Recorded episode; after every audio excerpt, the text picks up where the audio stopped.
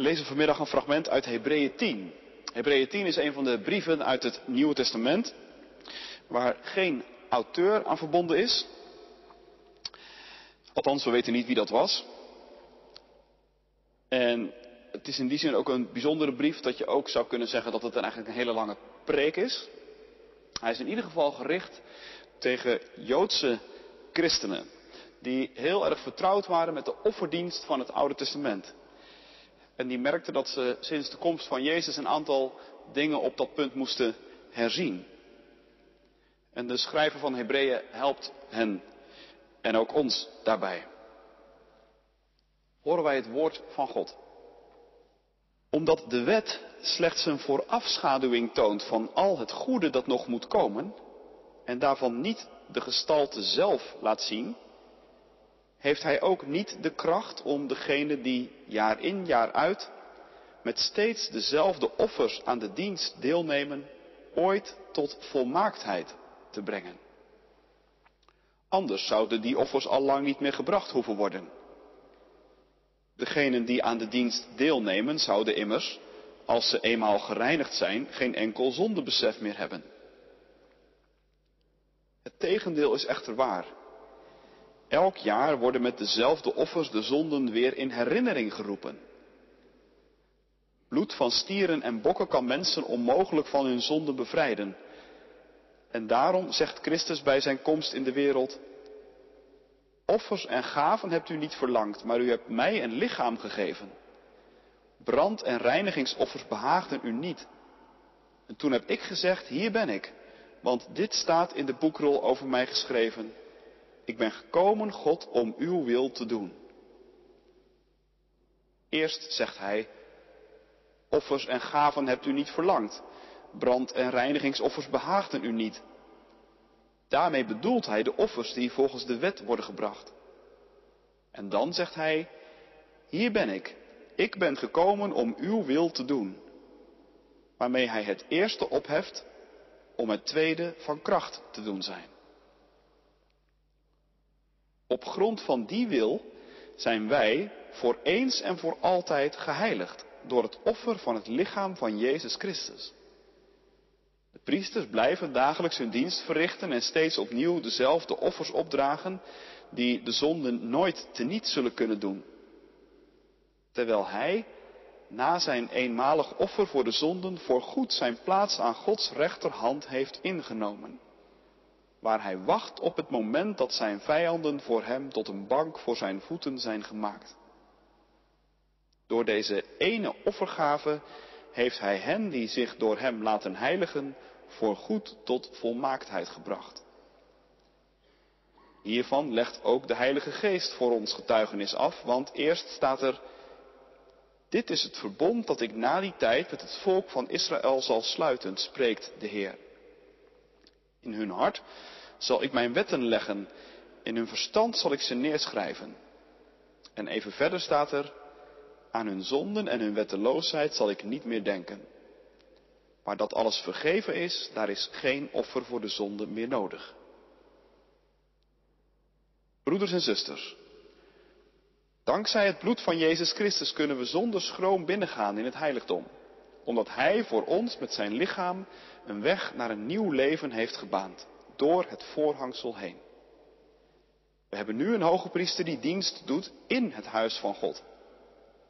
Laten wij God dan naderen met een oprecht hart en een vast geloof. Nu ons hart gereinigd is, wij van een slecht geweten bevrijd zijn en ons lichaam is gewassen met zuiver water. Laten we zonder te wankelen datgene blijven beleiden waarop we hopen. Want Hij die de belofte heeft gedaan, is trouw. Laten we opmerkzaam blijven en elkaar ertoe aansporen lief te hebben en goed te doen.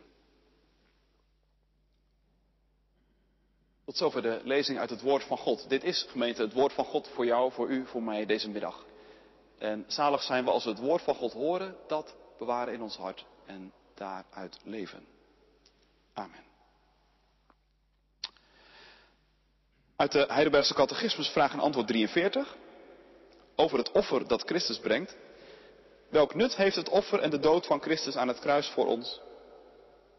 Door zijn opstandingskracht is het antwoord, wordt onze oude mens met hem gekruisigd, gedood en begraven. En hierdoor regeren onze slechte verlangens niet meer in ons, maar geven wij onszelf als een dankoffer aan hem. Gemeente van Christus, broeders en zusters, een paar jaar geleden bezocht ik de Engelse stad Coventry. En Coventry, dat is zo'n beetje het Engelse Rotterdam. Net als Rotterdam werd Coventry in de Tweede Wereldoorlog door de Duitsers helemaal plat gebombardeerd. Van de prachtige oude binnenstad bleef niks over. De huizen, de winkels, de oude kathedraal, ze gingen allemaal in vlammen op. In Rotterdam, zoals je weet, gebeurde dat ook. Van de oude Laurenskerk bleef alleen de toren min of meer overeind. En er bleven wat zwart geblakerde muren over. Als je nu in Rotterdam rondloopt, zou je dat niet denken.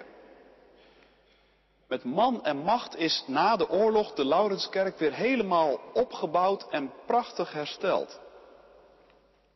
Als je niet beter zou weten, dan zou je denken dat die kerk er zo in zijn volle glorie al eeuwen staat. Maar in Coventry pakten ze dat anders aan. Daar hebben ze de oude kathedraal niet weer opgebouwd. Natuurlijk, ze hebben de boel een beetje opgeruimd. Maar verder kun je daar vandaag de dag nog precies door dezelfde ruïnes heen lopen als op de dag na het bombardement. Wat ze wel gedaan hebben, dat is naast die oude verwoeste kerk een nieuwe bouwen. En heel bewust hebben ze die keuze daar gemaakt. Want, zeiden ze, wij geloven niet in oorlog. Wij geloven in een God die leeft. We geloven in Jezus die is opgestaan uit de dood. En daarom bouwen wij deze nieuwe kerk als teken van hoop. Als teken van wederopstanding. Als teken dat de dood niet het laatste woord heeft. Maar, zeiden ze erbij, ondertussen is dat geloof in de wederopstanding wel een aangevochten geloof. Want er is in onze wereld nog zoveel oorlog. Er worden nog altijd huizen kapot gemaakt, kerken vernietigd en mensenlevens verwoest. En daarom laten we die oude ruïne dus staan. Als een teken. Een schril teken eigenlijk. Aan dat zinloze, verschrikkelijke leed.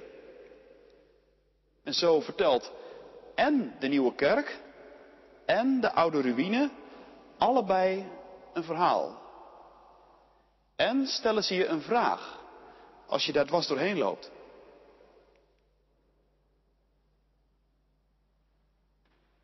Vanmiddag, vanmiddag denken wij met elkaar na over het woord offer. En offer is een woord dat in de Bijbel honderden keren voorkomt. Het is dus een echt kernwoord. En tegelijkertijd, tenminste zo ervaar ik dat zelf, is het een woord dat behoorlijk ver bij ons vandaan staat. En misschien denk je wel, gelukkig maar, want bij een offer zie je al gauw beelden voor je van geslachte dieren en een hoop bloed en zo. En al die bijbelse hoofdstukken die daarover gaan zijn nou ook niet de meest populaire. Aan tafel sla je ze waarschijnlijk over. En in alle eerlijkheid, in de kerk gaat het er ook amper over. En misschien denk je ook wel eens, offeren, is dat eigenlijk niet iets heel primitiefs? Hoort dat niet bij volken en culturen die, nou ja, zoals wij het dan graag zeggen, nog niet zo ver ontwikkeld zijn?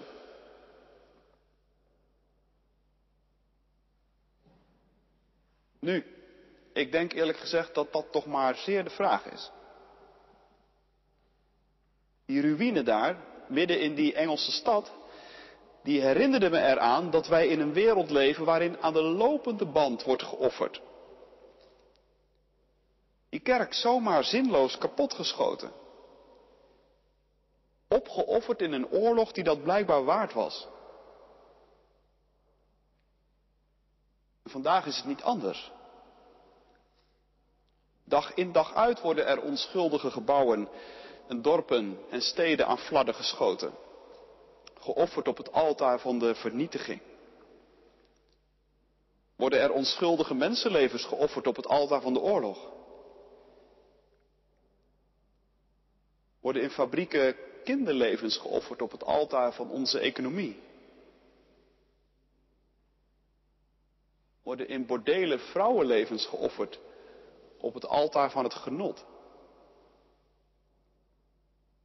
En worden er dag in dag uit door ons allemaal offers van tijd en offers van geld gebracht op het altaar van de carrière? Terroristen brengen hun leven als een offer voor een schijnbaar goede zaak. En is er dan van het offer verder helemaal niets positiefs te zeggen? Natuurlijk. Er worden ook goede en heilzame offers gebracht.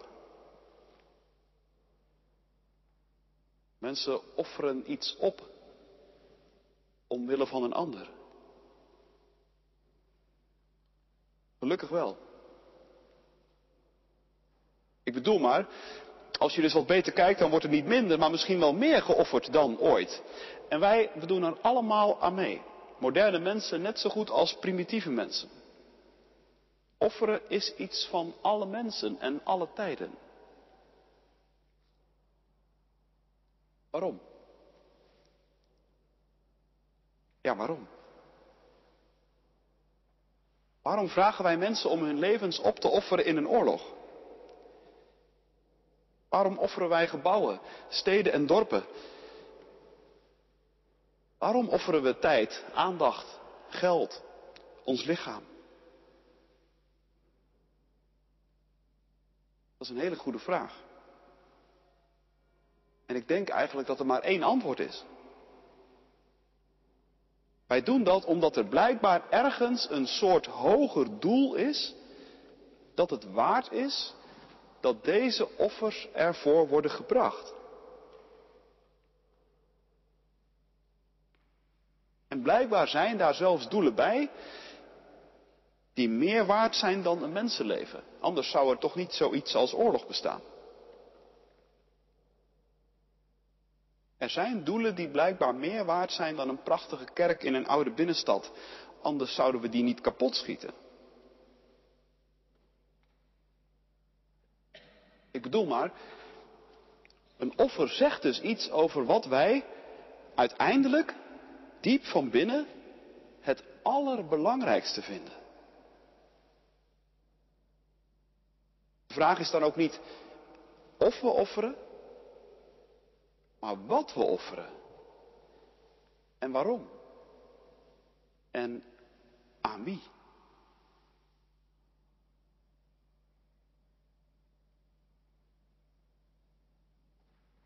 Laten we zo eens even een blik werpen op de offers in de Bijbel. Want wat is daar dan het hogere doel van? Waarom wordt er in de Bijbel geofferd? Wat staat er ten diepste op het spel? Wat is blijkbaar zo belangrijk dat daar in veel gevallen het leven van een dier voor mag worden opgeofferd?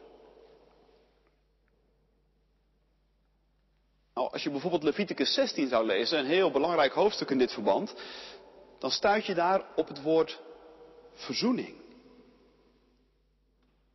En verzoening, dat is het echt zo'n relatiewoord. Het gaat over twee partijen die leven met elkaar samen, maar de relatie die ze samen hebben, die is niet zonder problemen. Er is iets gebeurd. Of er gebeurt telkens weer wat. En wil het weer goed komen, wil het werkelijk goed komen, dan moet er iets van verzoening gebeuren. Moet de ontstane schade hersteld worden. En de relatie gerepareerd, zodat het weer verder kan. Dat is in de Bijbel telkens wat er op het spel staat. De relatie tussen ons, mensen, en de Heere God. Een relatie die niet zonder problemen is, om het even zo te zeggen. Telkens komt er weer wat tussen. Telkens is er van onze kant ongehoorzaamheid. Is er falen. Is er schuld. Is er zonde. Die telkens weer een wicht drijft. En de relatie onder spanning zet. Zo onder spanning dat God zegt, weet je, ik kan jullie eigenlijk gewoon niet meer in mijn nabijheid verdragen. Willen wij weer samen verder kunnen, dan, dan zal er echt iets moeten gebeuren. Dan moet wat tussen ons instaat weg worden genomen.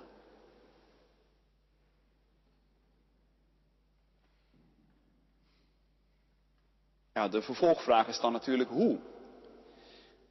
En wie moet dat doen? En het meest logische antwoord op die vraag zou zijn, dat moet natuurlijk degene doen die de schade veroorzaakt heeft. Degene die de problemen in de relatie veroorzaakt heeft en de spanning telkens weer opvoert. Die moet daarvoor opdraaien. Met andere woorden, dat zouden wij zijn.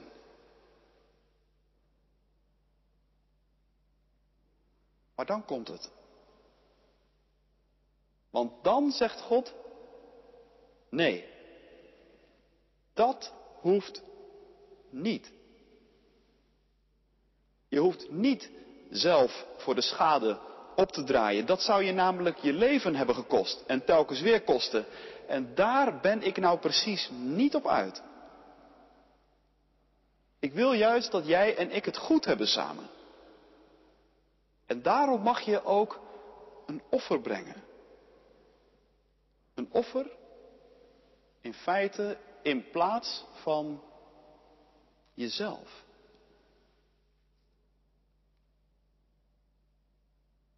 Je merkt, offers zijn er in het Oude Testament uiteindelijk dus met een heel positief doel. Dat de Heere God weer met ons verder kan en wij Hem weer recht in de ogen kunnen kijken. En dat is voor Hem zoveel waard, dat mag het leven van een van Zijn andere schepsels kosten zodat wij mensen, jij en ik, vrij uit kunnen gaan.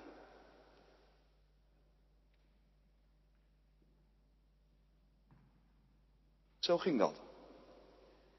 Jaar in, jaar uit. Volgens een altijd durende instelling, zegt Leviticus. Maar nu maken we een monsterstap. Een monsterstap naar de Hebreeënbrief, want daar wordt dat grote thema van het offer opnieuw opgepakt en heel nauwkeurig onderzocht. En de schrijver van die brief die stelt zich opnieuw de vraag, wat is nu het effect geweest van al die offers, dag in, dag uit, jaar in, jaar uit? Het uiteindelijke effect. En zijn antwoord is eigenlijk heel ontnuchterend. Een offer, zegt hij, een offer kan niet alles. Een offer herstelt voor even de relatie. Maar als je daarna opnieuw de fout ingaat, ja, dan begint in feite het hele verhaal weer overnieuw.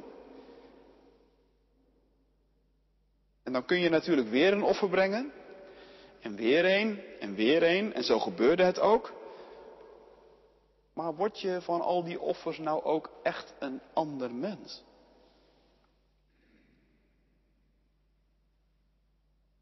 Nou ja, dat was wel de bedoeling.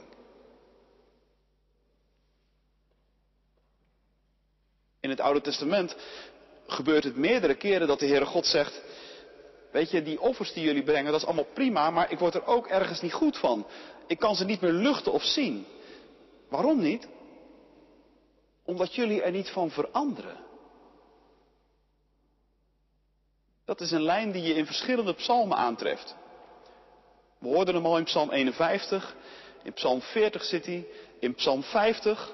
En ook een heel aantal profeten stellen die lijn aan de orde. En ze stellen eigenlijk de offerdienst van Israël zelf onder kritiek.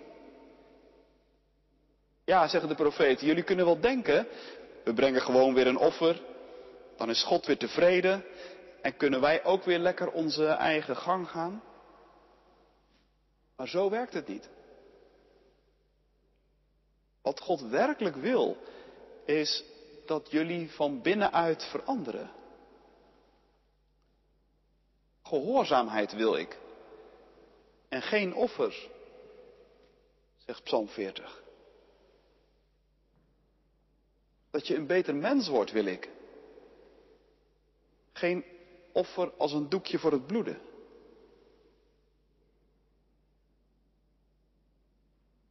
Maar de tragiek is dus dat dat niet echt gebeurt.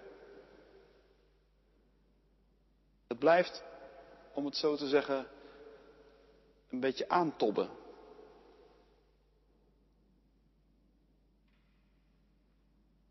En dat is ook de conclusie die de schrijver van Hebreeën 10 trekt.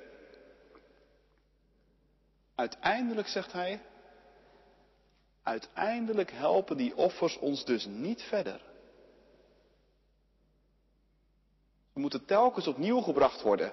En ieder offer is in feite ook een herinnering aan je eigen kwetsbaarheid en feilbaarheid als mens. Ieder offer is in feite een bevestiging dat er diep van binnen iets niet deugt bij je. En het is onmogelijk, vers 4, dat het bloed van stieren of bokken zonden zou wegnemen. Ja, en dat was nu precies waar het wel om ging. Het ging God om herstel van de relatie tussen Hem en ons. We moesten samen verder kunnen. En, en zolang er nog iets is dat tussen die beide partijen instaat, gaat dat niet. Zolang er nog iets uit te praten is tussen jou en een ander, voel je dat altijd.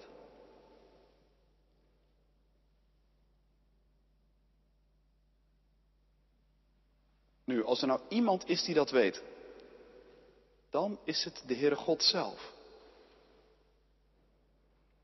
En daarom, zegt de schrijver van Hebreeën, is hij zelf gekomen. En al die offers uit het Oude Testament, dat was uiteindelijk een, een schaduw. Een schaduw die vooruitwierp. Een voorafschaduwing. Nou, je weet hoe het zit met een schaduw. Je schaduw zit onmiskenbaar aan jou vast. Je schaduw geeft precies jouw vormen en jouw profiel weer. Maar je schaduw, dat ben je tegelijkertijd niet zelf. En zo is het ook met die offers in het Oude Testament. Die geven ons een heel duidelijk profiel van hoe het ervoor staat in de relatie tussen God en ons. Maar ze zijn uiteindelijk niet de zaak zelf. Het ultieme, het uiteindelijke offer is het offer dat God zelf brengt. Door in Jezus Christus mens te worden en de weg van het kruis te gaan. En je ziet hem in dit hoofdstuk naar voren stappen. Achter de coulissen vandaan loopt hij het toneel op. Zie, hier ben ik, zegt hij, vader. Hier kom ik om uw wil te doen.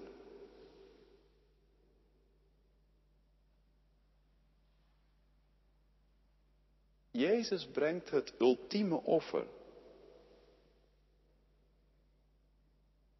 Offers in het Oude Testament waren altijd offers in plaats van. Een dier werd geofferd in plaats van. In plaats van jou als mens. Het grote verschil is dat Jezus zichzelf offert. Hij die aan God gelijk is, geeft voor jou zijn hoogst eigen leven.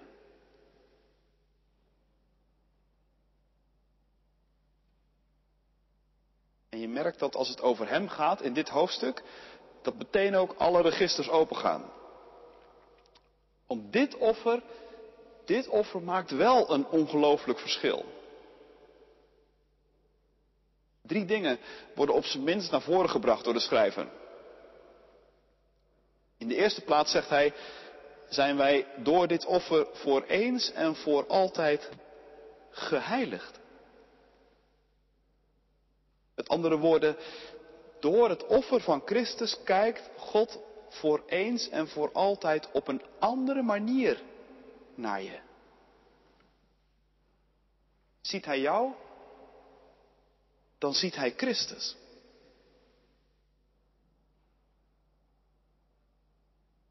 En het tweede,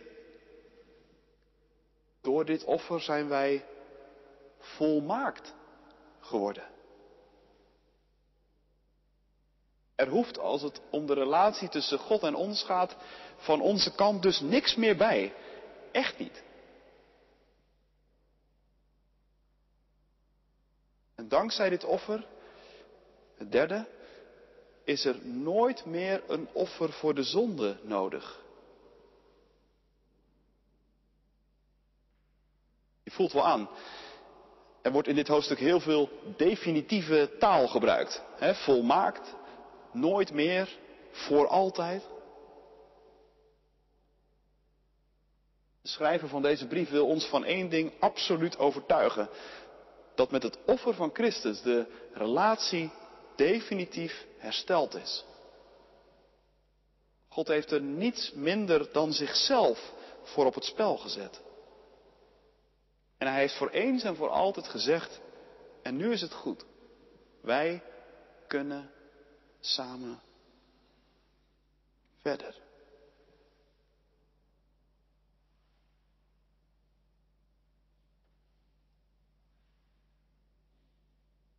Ik zei aan het begin,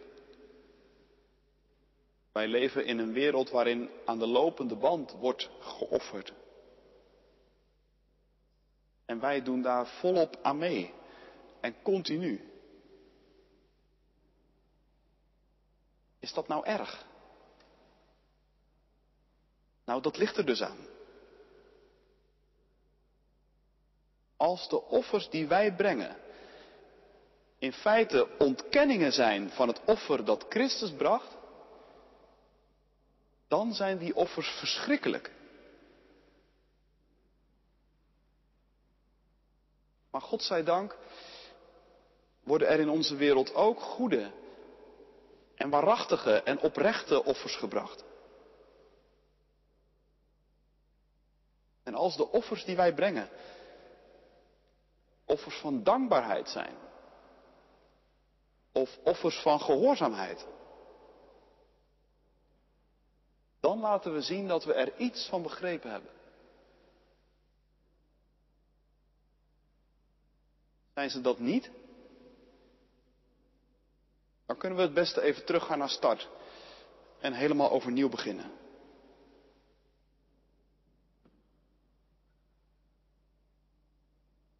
Dus als je een offer brengt, en ga ervan uit dat doe je de hele dag door. Als je tijd of geld of aandacht of energie of wat dan ook maar apart zet, omwille van een hoger doel, stel jezelf dan de vraag, wat is dat hogere doel eigenlijk? Dat dit offer me blijkbaar waard is.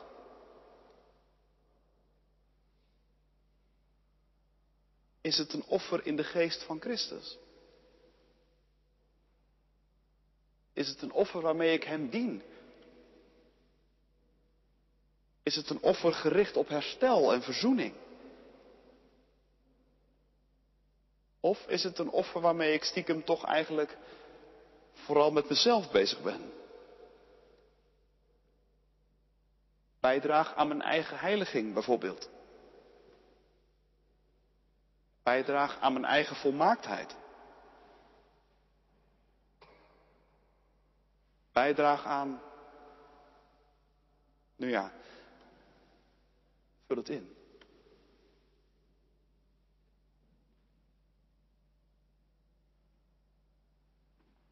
Tot slot. Nog één keer terug naar Coventry.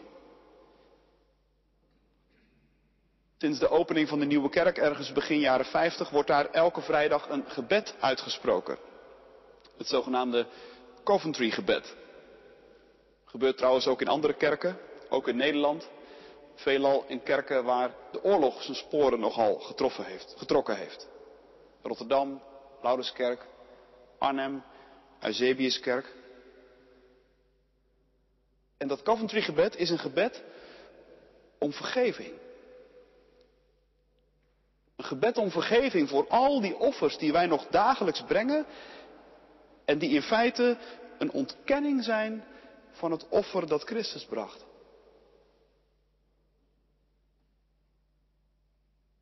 En tegelijkertijd is zo'n gebed natuurlijk ook een aansporing en een uitnodiging om offers van dankbaarheid te brengen. Offers van gehoorzaamheid. Offers in de geest van Christus, die gericht zijn op herstel en verzoening. En dat gebed dat gaat zo. Wij hebben allemaal gezondigd, Heer. En wij missen de heerlijkheid van God. Vergeef het. De haat die scheiding brengt tussen volk en volk, tussen ras en ras, tussen klasse en klasse. Heer, vergeef het. Het begeerige verlangen dat ons mensen en volken drijft naar bezit van wat ons niet toebehoort. Heer, vergeef het. Onze hebzucht die de arbeid van mensen uitbuit en de aarde verwoest. Heer, vergeef het. Onze afgunst op het welzijn en het geluk van anderen. Heer, vergeef het. Onze onverschilligheid ten opzichte van lijden, van daklozen, van vluchtelingen. Heer, vergeef het. Onze begeertes die lichamen van mannen en vrouwen en kinderen voor onwaardige doelen misbruiken. Heer, vergeef het. En ons trots die ertoe brengt dat we vooral op onszelf vertrouwen en niet op U. Heer, vergeef het. En maak ons ten opzichte van elkaar vriendelijk en barmhartig. Elkaar vergevend. Zoals U in Christus ons vergeving geschonken hebt.